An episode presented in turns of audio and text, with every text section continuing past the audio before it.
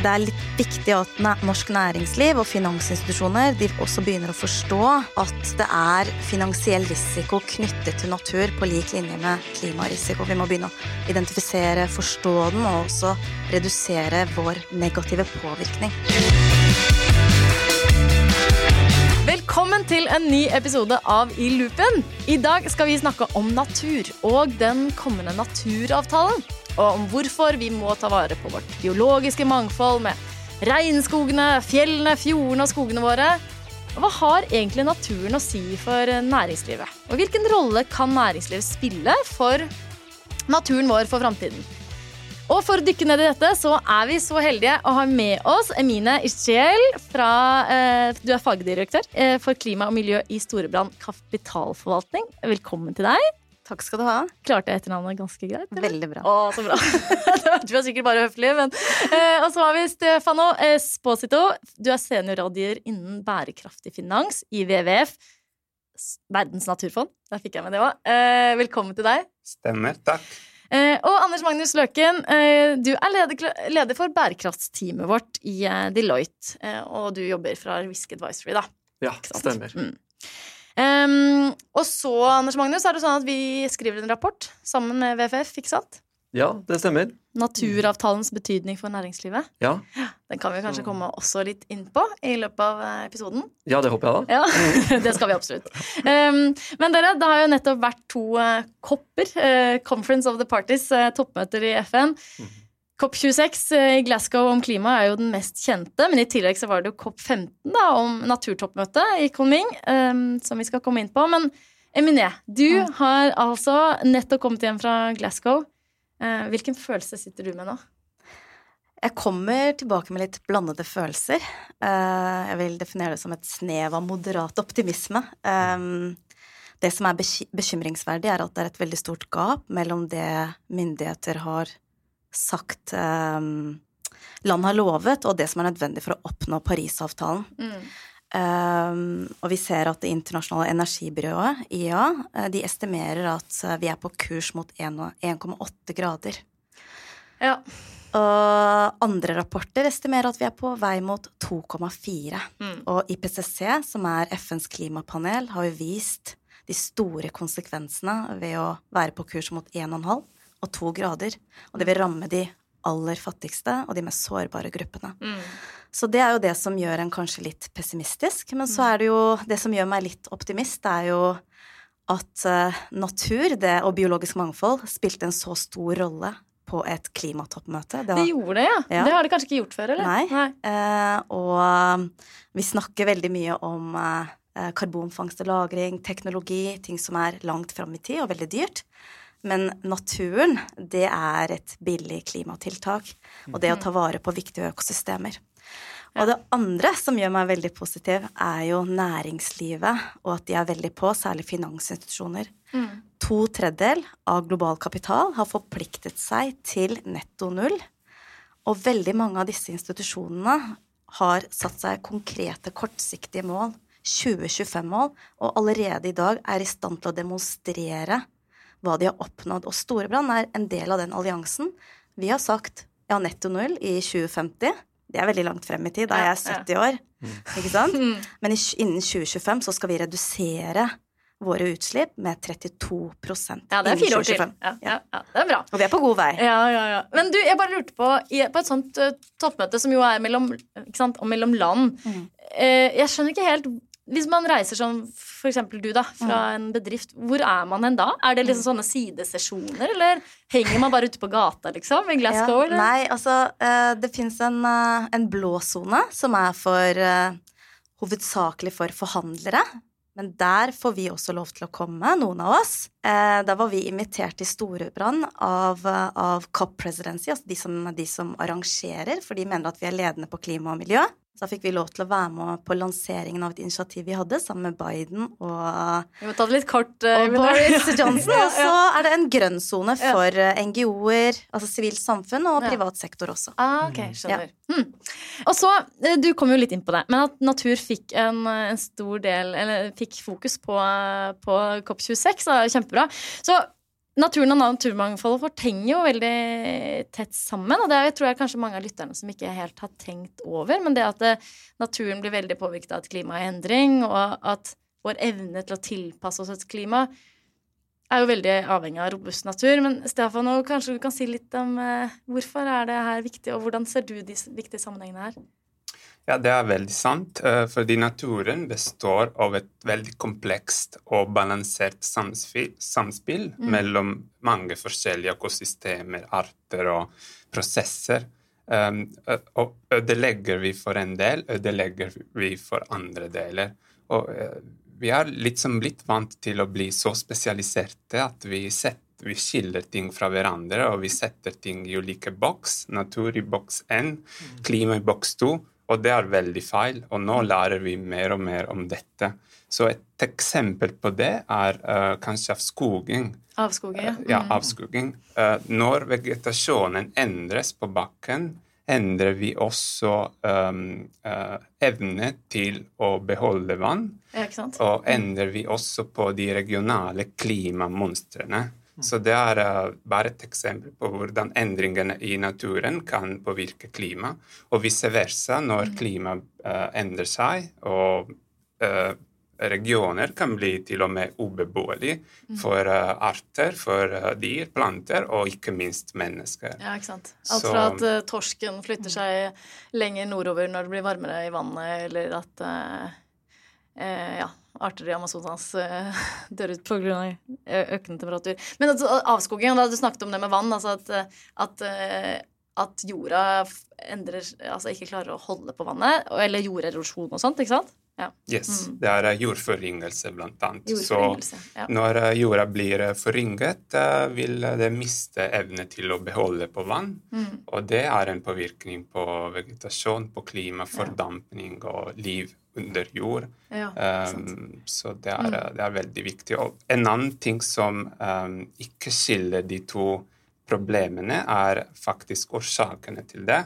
Så i bunn er det overforbruk av, av ressurser som vår uh, samfunn og økonomi driver med, som er årsaken til begge problemene. Ja, ja. Så vi har felles årsaker og ofte felles løsninger. Mm. Så det er bra man har begynt å se det litt i sammenheng, men det er jo da likevel to forskjellige eh, sånne kopper, og det er ulike avtaler. Mm. Og det er altså denne naturavtalen som vi nå eh, håper å få en ny versjon av. Anders Magnus, hva er naturavtalen? Kan du si litt kort hva det er for noe? Ja, jeg kan forsøke. Um, det er um, Man kan veldig enkelt tenke en parallell til Parisavtalen, for den kjenner jo veldig mange.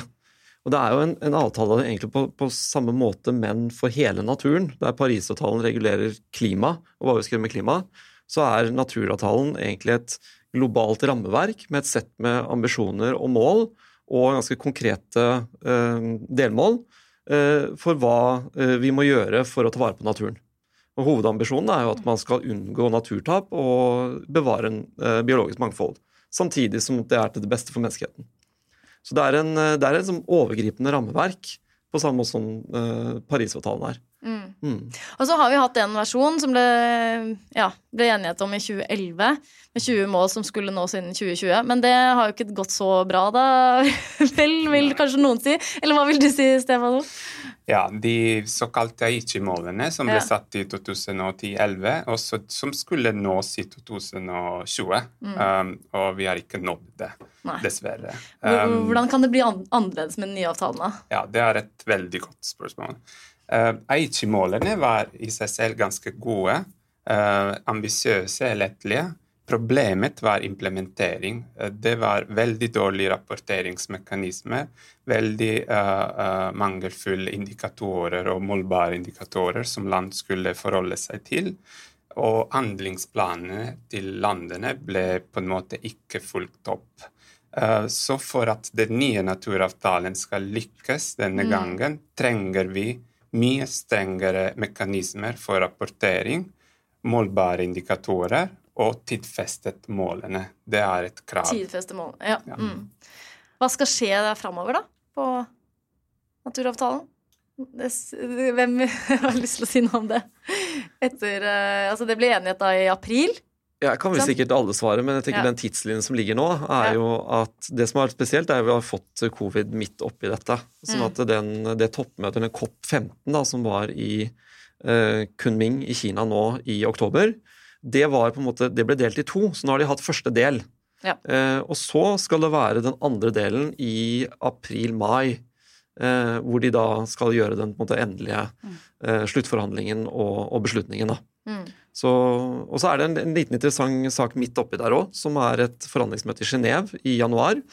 Eh, hvor virkelig de tunge forhandlingene kommer til å skje. Ja. Så vi kommer til å vite veldig mye allerede i januar eh, hvordan dette, hvilken vei dette bærer. da. Eh, hvor, for- hvor forpliktende er den for de som er med, og hvem er med egentlig? Eh, ja, min, Ja, jeg jeg mener, kan gjerne legge til uh, Mm. der. Altså, dette er jo en politisk bindende avtale. Det er ikke en juridisk bindende avtale, og det er det som gjør den så utfordrende. Og det er kanskje derfor også Aichi-målene, som ble vedtatt i 2010, ikke ble fulgt opp. men det er på hvis- samme måte som Parisavtalen, eller? Samme Det måte, men det handler om politisk vilje. Det tok, Ja.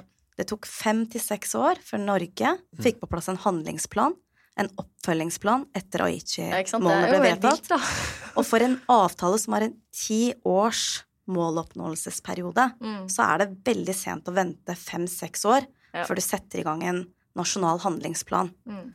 Så det er jo signaler også som vi får fra næringslivet. Vi sitter jo og analyserer overgangsrisiko, ny politikk som vil gjøre det mye mer eh, økonomisk eh, lønnsomt eller risikabelt for oss. Og de signalene som politikerne sender, vil jo også være viktig for næringslivet. Men altså, dette, dette handler jo om å, sant, om å håndtere naturrisiko. Det har vi ikke kommet inn på det begrepet ennå, men kanskje du kan si litt om det, Emine. Hva, liksom, hva er natur, naturrisiko? Ja. Hvordan ser dere i Storebrand eh, kapitalforvaltning? Må jeg si det hver gang, eller? Nei da, du kan bare si Storbrann. Storebrand. Hva, det, hva betyr det for dere? Uh, altså, naturen den gir oss veldig mange goder. Det kalles økosystemtjenester. Økosystemene de leverer en del goder. Det er rent vann, ren luft, mat. Eh, det kan være også beskyttelse mot ekstremvær. Mm. Og det er verdier som er helt usynlige for oss per i dag. De tar vi for gitt. Mm. Så har World Economic Forum de har estimert at de tjenestene som økosystemtjenestene leverer, de er verdt en og en halv gang verdien av global BNP. Ja, og liksom årets, Årlig, eh, ja. ja, mm, Mhm. årlig, ja. Og de aller fleste sektorer de viser også hvem som er avhengig av disse tjenestene. Og de viser at de aller fleste sektorer er helt avhengig av disse tjenestene. Og det vil få enorme økonomiske konsekvenser for de aller fleste dersom vi fortsetter i samme tempo. Mm? Og det er ikke bare de som eh, faktisk utvinner, eller som er helt sånn råvare Nei. Men det er alle scener i kjeden. Ikke sant? Ja. Og Stefano nevnte jo avskoging. Vi må på samme måte som vi har begynt å forstå klimarisiko, hvis vi snakker om fysisk risiko, overgangsrisiko, så må vi kunne se på fysisk risiko. Vi har studier nå som viser at avskoging i Amazonas, det fører til mindre regn, som igjen fører til, til mindre produktivitet for selskaper som driver med soya og kveg. Men for et land Da har vi pris på det, ikke sant? Hvor mye det vil påvirke avkastning. Men for et land som Brasil, hvor nesten 90% av landets energimiks kommer fra vannkraft, så kommer landet til å være i en energikrise, og det kommer til å påvirke ekstremt mange sektorer. Så dette er fysiske risikoen, og så må vi begynne å forstå hva betyr overgangsrisikoen. Vi ser allerede en del politikk. Kan du forklare bare kort hva du mener med overgangsrisiko? For lytterne våre som kanskje Ja, altså. Overgangsrisiko, da snakker vi om ny politikk eller teknologi som kan gjøre det enten mer eller mindre lønnsomt for selskaper. Og ny politikk, da ser vi, ikke sant, det er et regelverk som kommer fra EU, eh, taksonomien. Den tvinger oss til å tenke helhetlig og også ta inn over oss biologisk mangfold.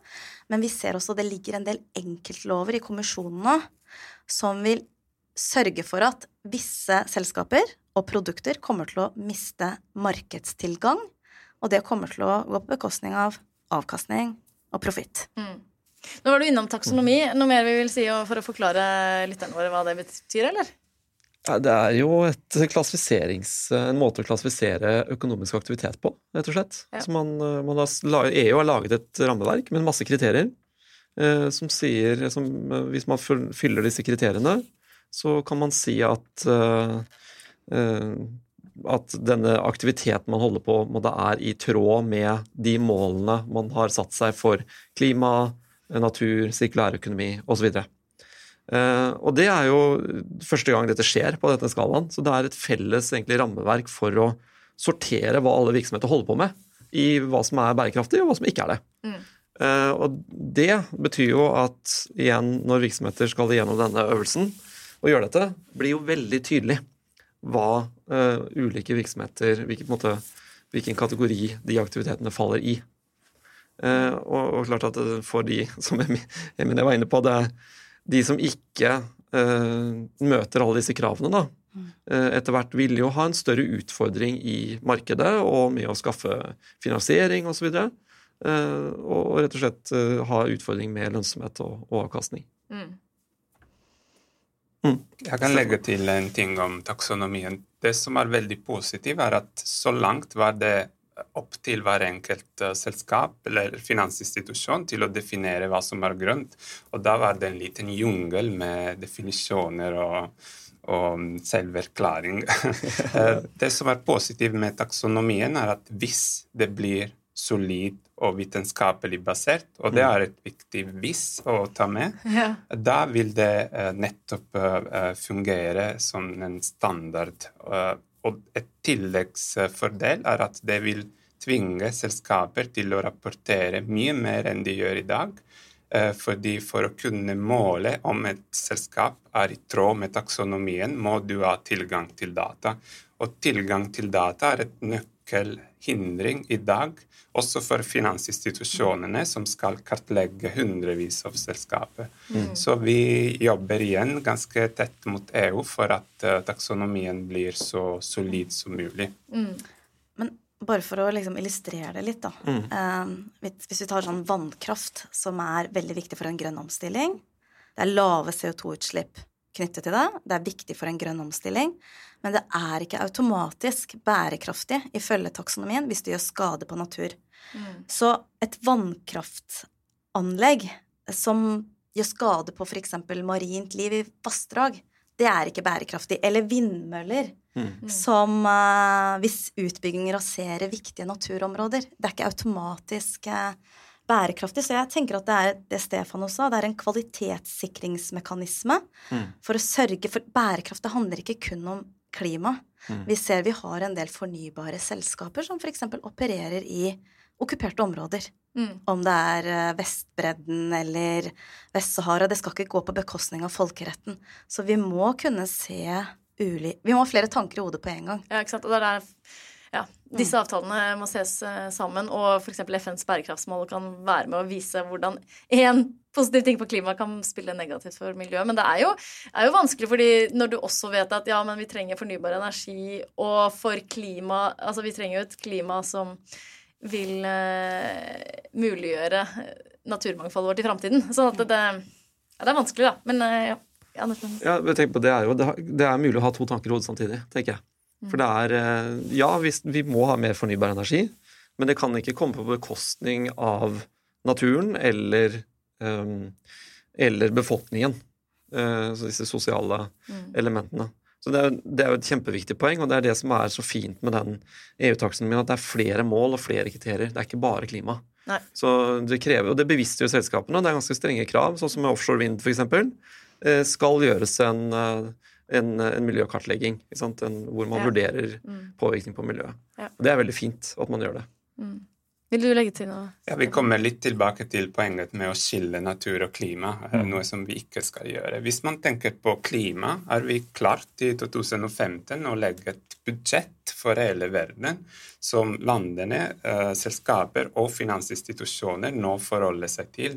Vi trenger no noe tilsvarende for natur. Mm. Planeten har eh, fysiske grenser. Vi kan ikke ta ut uh, mye mer, mer, enn det som klarer å generere. Så mm. vi må få til et slags budsjett for natur. Mm. Og så må vi ha mekanismer for at landene, selskaper og finansinstitusjoner kan forholde seg til det. Og mm. det er også poenget med det vi kaller sirkulær økonomi, mm. der du klarer å beholde dagens eh, standard ved å forbruke mye mindre ressurser og Mm. slippe ut mye mindre enn i dag. Men hvordan klarer man å regne på det? Fordi altså, Sånn som arealregnskap og arealbudsjett har jeg hørt om. Er det andre ting man snakker om for å liksom kvantifisere sånne mål? Ja, det er også et godt poeng. Det fins ulike metoder eller løsninger. enn er å se f.eks. på det vi kaller material footprint, materielle fotavtrykk. Ja. Alle er kjente med klimafotavtrykk, Mm. som ser på utslipp. Materielle fotavtrykk ser på eh, uttak og forbruk av de viktigste naturressursene, som mineraler, eh, treverk og Mm. metaller osv. Og, og det går an å estimere hvor mye metaller osv. har vi til rådighet globalt, også fordelt per land. Så det, det fins ikke et svar, men eh, det er mulig å komme dit. Mm. Kan du gi et eksempel da, Hvis du er en matvareprodusent I dag så er det jo veldig mange som har begynt å rapportere på, på klima, med klimautslipp. Også for leverandørkjeden. ikke sant? Sånn at eh, Ikke bare det man gjør på egne fabrikker, men de klimautslippene man forårsaker fra dyrking av ris eller kjøtt eller sant, andre ting. Så får man med det totale klimagassutslippet. Og det fine med klimagasser er at det er veldig lett å summere opp i CO2-ekvivalenter, så man får ett tall.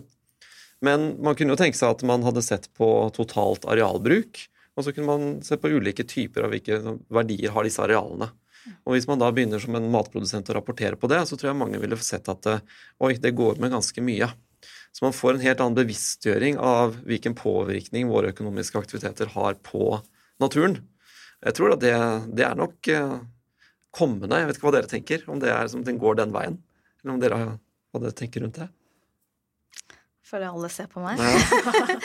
Men eh, jeg tror um, det som er du, Det er eh, veldig utfordrende. Natur er mye mer komplekst Ja. enn klima. Mm. Det er vanskelig å kvantifisere det, det er vanskelig å måle det. Jeg tror vi aldri kommer til å få perfekt datasett. Mm. Selv på klima nå så estimerer vi. Og vi har jobbet med eh, internasjonale aktører for å sette, sette på plass et rammeverk som heter TNFD. Eh, et, enda et akronym. Eh, Task Force on Nature Related Disclosures. Det er TCFD på natur. For å lage et rammeverk for selskaper for å rapportere på biologisk mangfold. Per i dag så finnes det ikke noe rammeverk. Mm. Og det skal hjelpe oss finansinstitusjoner til å vri kapitalstrømmer vekk fra de selskapene som påvirker natur i negativ forstand. Mm. Men så, slik situasjonen er i dag, så har vi veldig lite data og oversikt over hva selskapene egentlig gjør. For med biologisk mangfold så handler det ikke nødvendigvis om hva slags aktivitet du holder på med, men hvor den aktiviteten er. Det er veldig stedspesifikt Mm. og sektorspesifikt. Mm. Um, ja, men det kommer til å være Selskaper kan forvente seg mye mer krav om rapportering på Mm. biologisk mangfold fra investorer. Hvis vi skal liksom litt overordnet uh, før vi liksom nå hopper virkelig inn i hva dette betyr for, eh, for næringslivet. Det er jo det vi er inne på nå, men litt sånn overordnet, Anders Magnus. Hva, hva tenker du at denne naturavtalen og naturrisiko Hva har det å si for norske bedrifter? Hvordan, eh, hvordan påvirker det norske bedrifter? Det er jo lett å tenke at det ofte kommer i form av en, eh, en masse krav og ting man må gjøre. og det er klart at uh, Noe arbeid blir det jo for å komme i gang, men jeg ser også på at det er ganske store muligheter for de som er opptatt av å, å sette seg inn i det, og, og som er tidlig ute og forstå hva, det, hva dette betyr. Så, og Det er en veldig sånn tett um, igjen link til Parisavtalen. Vi har begynt å snakke om det, Den kom i 2015, og nå har på en måte alle begynt å jobbe med klima. Men fordelen nå er jo at det, som, som Stefano var inne på, at det, det henger jo sammen med natur. Så når man er i gang med klimaarbeidet i dag, så er det ganske lett å kanskje slenge seg på og, og ta med natur i den samme vurderingen. Så man har på en måte lært mye. Man har liksom metoder og prosesser og kanskje litt verktøy og sånn for, for å jobbe med det. Og da ser vi at det er eh, muligheter for å uh, koble på natur i samme slengen, da, for å si det på en enkel måte. Mm. Um, for det er jeg vet- jeg husker ikke hvilken rapport det var, men det er altså, Enhver industri er jo ekstremt altså er jo avhengig av naturen. Du var inne på det. Uh, og verdiskapningen betyr jo at det er jo veldig sterkt knyttet til Så er du en, uh, en oppdretter, f.eks., eh, og du mister tilgang på fôr, eller, eller det blir problemer med å få tilgang på soya som er brukes i fôret, så er det en, en kjemperisiko for, for virksomheten. Uh, Sånn at det, påvirker direkte bunnlinjen på de selskapene. Men hvis man da er tidlig ute og forstår, liksom, er kjent med hvilken risiko har jeg i verdikjeden, uh, jobbet systematisk med det og klarer å tilpasse seg, så har man en mulighet til å omgå det. Men man har også en mulighet til å skape nye verdier, for det kommer til å, akkurat som med klima, ser at de som er fremme her og tilbyr utslippsfri transport, produkter som etterspørres av forbrukerne, de har jo et fortrinn i dag allerede. Og det kom, samme kommer på natur. Altså at ting er så knyttet sammen, så betyr det at eh, hvis man gjør ett enkelttiltak, så kan det ha flere positive virkninger. Mm. Et eksempel fra en, en kyllingprodusent i England Uh, hvor de fant ut at denne kyllingen Dette kom egentlig av dyrevelferdshensyn. Uh, de må få lov til å gå fritt ute. Eh, og så så man at man la til rette for det, men det var en åpen plass, og de gikk ikke ut. Fordi kyllingen de vil helst gå mellom trærne, for de er redd for rovdyr. Og så plantet de trær. Og da gikk kyllingen ut, hadde det fint. Men så så de at jøss, det kom jo masse insekter, vi fikk bedre liksom, temperatur rundt anlegget vårt osv. Så, videre. så man plutselig så forbedrer man naturmiljøet rundt hele anlegget ja. basert på det ene tiltaket som egentlig var rettet mot mm. kyllingen. Og dyrevelferden. Ja, dyrevelferden. Ja, sånn at mm. ett enkelttiltak som kanskje ikke koster så mye, kan ha veldig mange positive konsekvenser. Og det er en fordel med at ting henger sammen. ja, eller det kunne, vært, eh, kunne hatt en negativ påvirkning, men da må man prøve å ha Ja, det er også ulempen ved at ja. ting henger sammen. Ja, for det motsatte er jo like ille. Ja. Um, men eh, Emine, hva, hva, har naturavtalen å si for, eh, for dere, Storbrann, og for finanssektoren, tenker du? Altså det, det, blir avgjørende å se. Mm. Um, som jeg sa tidligere, så kommer det jo an på suksessen til naturavtalen. Den er jo ikke juridisk bindende. Det kommer an på hvordan, hvilke nasjonale tiltak mm. eh, landet følger opp med. Og hvis den skal implementeres, så forventer vi å se at det vil være dyrere å skade natur, og at naturødeleggelser må prises inn i større grad enn det har vært i dag. Mm. Men eh, sånn uavhengig av hvordan, hva på en måte utfallet blir der, av, av hvor forpliktende denne mm. avtalen blir, men er det noe du tror dere kommer til å gjøre uansett? Når uh, framover, da. Med tanke på eh, litt sånn Uavhengig av hvordan alt i naturavtalen blir. Men hva, mm. hvordan jobber dere med det, da? Tenker du vi i Finans eller Storbrann? I Storbrann. Ja, altså, ja. Vi har jo vært i dialog med de som forhandler frem denne avtalen. Ikke bare Norge, men jeg var senest i samtale med sveitsisk delegasjon. Vi ønsker at denne avtalen i større grad har en artikkel, slik vi har i Parisavtalen, som sier noe om rollen til finans. At vi må også ja. bidra finansstrømmer må følge de internasjonale målene. Mm. Det som er hovedforskjellen mellom disse to konvensjonene, altså konvensjonen om biologisk mangfold og klimakonvensjonen, er at den konvensjonen om biologisk mangfold har aldri klart å engasjere eller forstå rollen til næringsliv. Og det, det må, altså, de målene kan ikke oppnås uten at vi er med. Så vi kommer til å spille vår rolle. Mm kan også legge til at uh, basert på intensjonsavtale, den Kunming-deklarasjonen som ble uh, publisert nylig, um, er de også de landene forpliktet seg til å se på alle miljøskadelige subsidier og det, å endre, det allerede det å endre på hvordan subsidier eh, fordeles, det vil være en uh, veldig viktig eh, overgang, potensielt overgangsrisiko, mm. som selskapene og finansinstitusjonene må forholde seg til. Per i dag er det i praksis gratis å forbruke og forurense naturen, og det er det som er problemet. Mm.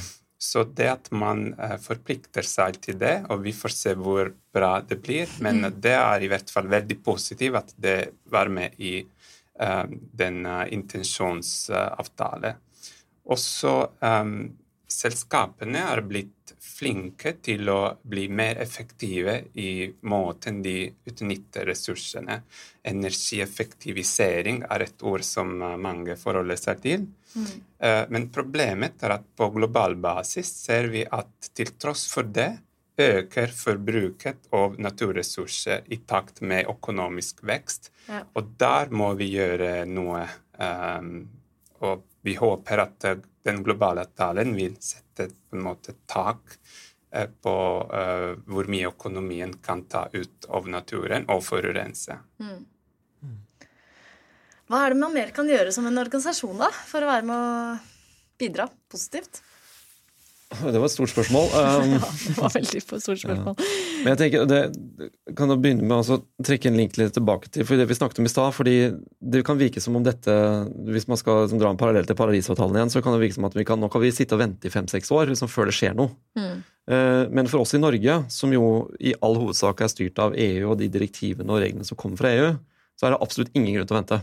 Fordi EU har vært veldig tydelig i sin posisjon gjennom sin strategi for, eh, for natur og biologisk mangfold.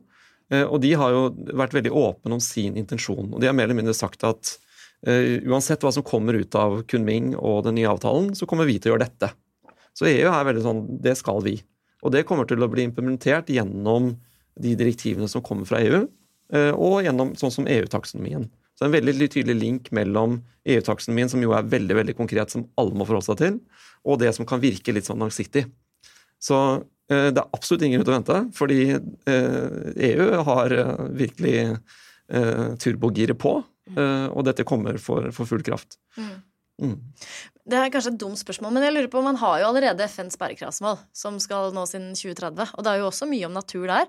Liksom, hvordan er sammenhengen egentlig mellom der? Altså, der har man jo også forpliktet seg at Norge f.eks. skal levere på det, da. Mm. Ja, jeg mener. Jeg var jo med under forhandlingene på bærekraftsmålene. Ja. Så hele intensjonen var at bærekraftsmål 15, som handler om biologisk mangfold, som reflekterte Aichi-målene, skulle bytte For Aichi-målene var jo bare fram til 2020. Mm. De skulle erstattes. Så det var Det er en del av bærekraftsmålene som har en tidsperiode ikke fram til 2030, men 2020. For det er jo parallelle avtaler som Ja, okay. foregår, så de må oppdateres. Så din, den nye naturavtalen den vil på en måte også da erstatte det som egentlig står i bærekraftsmål 15? Mm. Ok. Mm. Det var litt sånn på siden, men det var noe jeg kom på her, at vi hadde jo det også fra før av. Men et sånt eh, råd til eh, skal vi si, bedrifter som, som lurer litt på hva skal vi gjøre med dette, Ja. er jo det, De aller fleste har jo hørt om dette med en sånn vesentlighetsanalyse, som er ofte inngangen på bærekraftsarbeidet. Man gjør en kartlegging av hva, hva er det som er vesentlig for virksomheten eh, i bærekraftsarbeidet. Hva skal vi ha fokus på? For det er forskjellig fra ulike virksomheter. Men eh, det man bør gjøre da, er jo egentlig eh, gjøre en, det man kaller nå en dobbel vesentlighetsanalyse.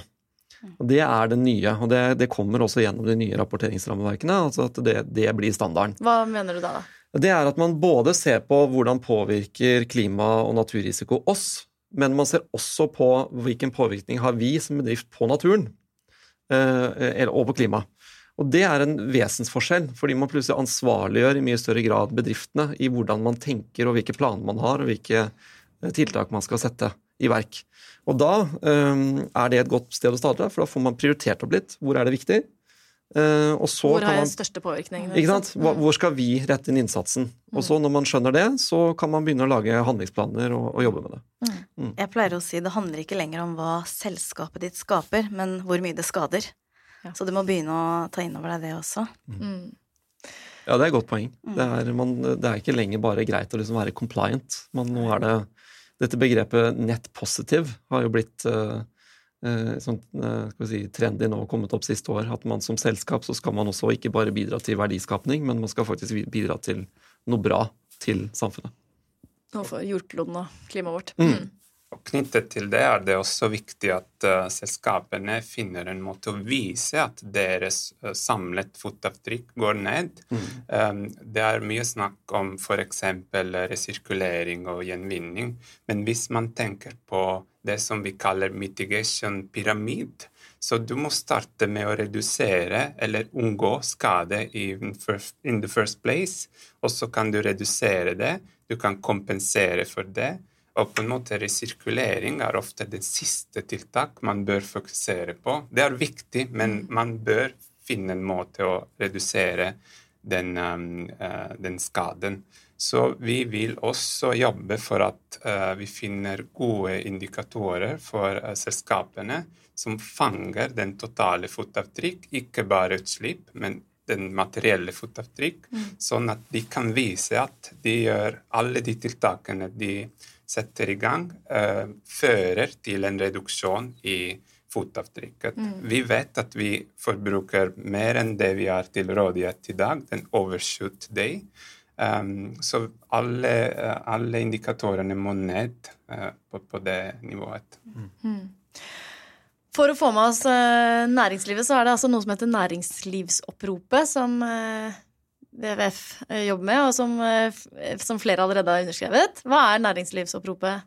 Vil du si noe om det, Anders Magnus? Ja, det er egentlig rett og slett en, en, en kort tekst man forplikter seg til, eh, og som man kan signere på, og som, som WWF, Verdens naturfond, står bak, eh, og som, som viser at, eh, eh, at vi som bedrift eh, er opptatt av naturen. Og Det vil jeg absolutt anbefale alle oss å sjekke ut, fordi det er liksom konkret noen, noen sånn ambisjonsmålsetninger og, litt sånn eh, Det er egentlig et godt sted å starte, da, fordi man får en forståelse for hva dette handler om.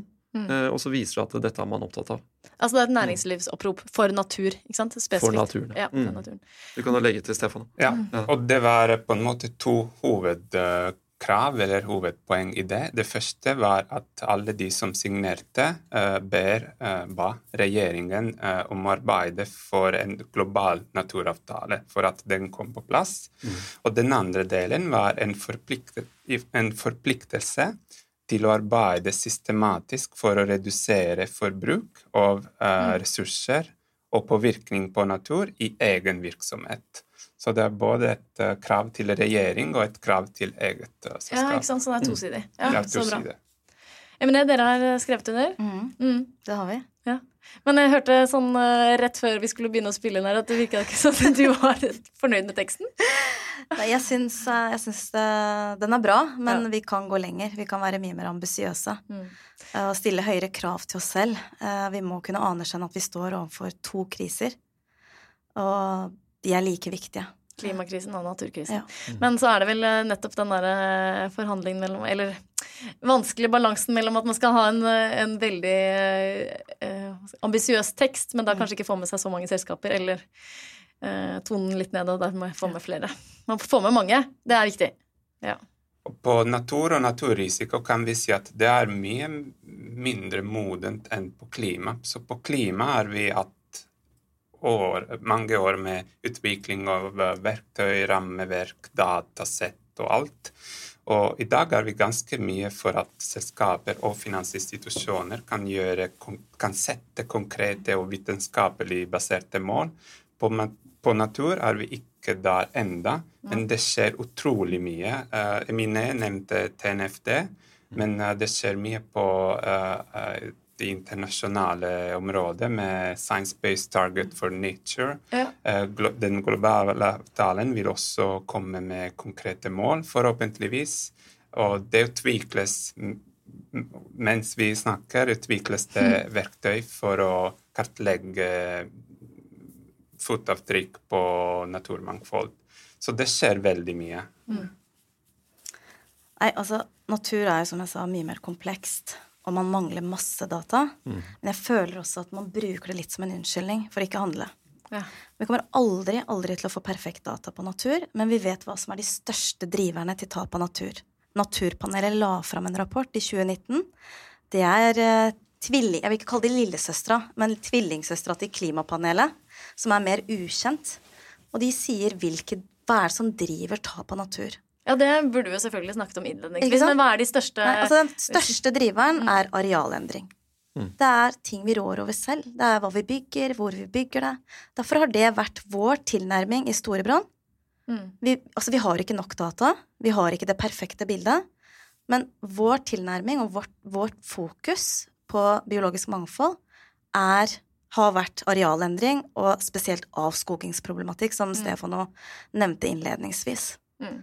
Så det er noe som alle kan gjøre. Er det fremmede arter? Er det klimaendringer? Ikke sant? Det er fem-seks drivere. Så hva er det du har lyst til å gjøre? Hva er det du har lyst til å jobbe med? Mm. Dere, vi må begynne å runde av, dessverre. En, eh, kanskje dere har en oppfordring til lytterne? Eh, Emilie? Um, jeg tror eh, sånn avslutningsvis så kan jeg vel kanskje si at det, det er litt viktig at norsk næringsliv og finansinstitusjoner de også begynner å forstå at det er finansiell risiko knyttet til natur på lik linje med klimarisiko. Vi må begynne å identifisere, forstå den, og også redusere vår um, negative påvirkning. Mm. Mm. Ja, helt enig. og Et godt eksempel på det er hvis man, man driver fiske, og kvotene blir mindre pga. overfiske. Ikke sant? Det er et veldig konkret eksempel. Da blir inntektene mindre. Mm. Veldig direkte kobling. Nå sitter vi med skjegg i postkassa. Ja, ja. Det er jo det. selv i halen, eller hva som er det riktige bildet der. Men ja. Sprelle på land. Ja, Ja. Nei, det er um, eh, Men så tenker jeg også det er, det er det første- punktet er jo som å starte litt på hvordan kan man lære mer. Og vi kommer til sammen med WWF Verdens naturforum å arrangere et seminar i januar eh, hvor dette er tema. Eh, Så jeg tenker å bare nevne det at det kan jo være interessant for folk å delta på for å lære mer. Og Da vil vi snakke mer om hva naturrisiko er, hva naturavtalen er. Og da er det midt oppi forhandlingene som skjer i Genéve så det kanskje er noe nytt derfra. Eh, Og litt om hva virksomheter kan gjøre. Mm, og så kan man få med seg den rapporten også da etter hvert. Ja, og da vil vi da lansere den rapporten på det seminaret. Ja, så da er det mulig Mm. å bruke den som et, eh, både et oppslagsverk og inspirasjon. Ja, Min oppfordring er å ikke vente. Vi har allerede veldig mye for å starte, og det er egentlig ikke så komplisert. Det handler om at alle land, selskaper, finansinstitusjoner og forbrukere må redusere eh, påvirkning på naturen og forbruk av ressurser. Så alle kan starte der. Eh, vi må forstå og innrømme at planeten er grenser. Og det er vi som må tilpasse oss det. Eh, vi må tilpasse økonomien til det, og ikke motsatt vei. Um, så alle må begynne å handle nå, og det er mye vi kan gjøre mens vi venter på globalavtalen, TNFD osv. Fantastisk avslutning, eh, Stefan. Og jeg kunne ikke vært mer enig. Og dere lyttere, eh, begynn å påvirke eget selskap eller virksomhet, organisasjon. Eh, Kanskje ikke kjøp dere den nye hytta i et eh, veldig nær viktig natur. Det er mye vi kan bidra med, men, men å påvirke egen organisasjon, kjempeviktig. Uansett om man er leder eller lenger ned i organisasjonen, så tenker jeg at man kan, man kan være med å påvirke. Tusen takk til alle dere for at dere kom i dag. Stefano, Eminé og Anders Magnus. Send inn ris og ros om dere har det, til podcast at deloitte.no. Da sier jeg eh, takk for i dag, og vi høres.